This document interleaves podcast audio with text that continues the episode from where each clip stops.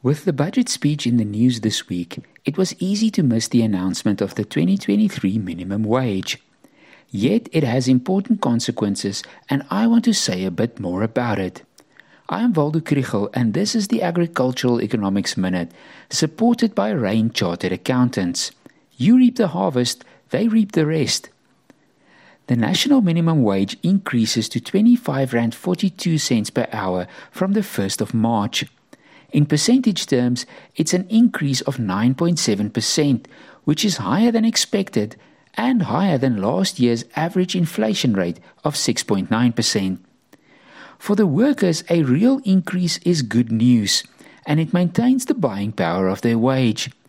We know that workers at this low income level were particularly hard hit by steep increases in the prices of food and transport last year.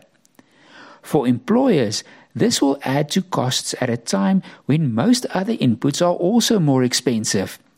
That translates into a loss of profitability or the need to pass on some of these cost increases to consumers if possible.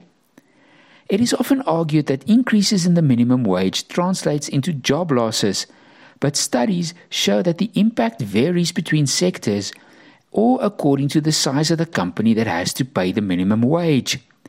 In the agricultural sector, rising minimum wages led to job losses on small farms, but large farmers actually employed more unskilled workers. In retail, there were no job losses at large or small businesses. Interestingly, analysis from, the U- analysis from the US shows that the impact of the minimum wages also differ by workers.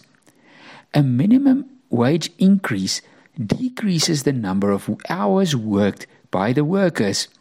This happened because low productivity workers were replaced with high productivity workers who can do more in fewer hours. A well intentioned policy can harm the very people it is trying to protect.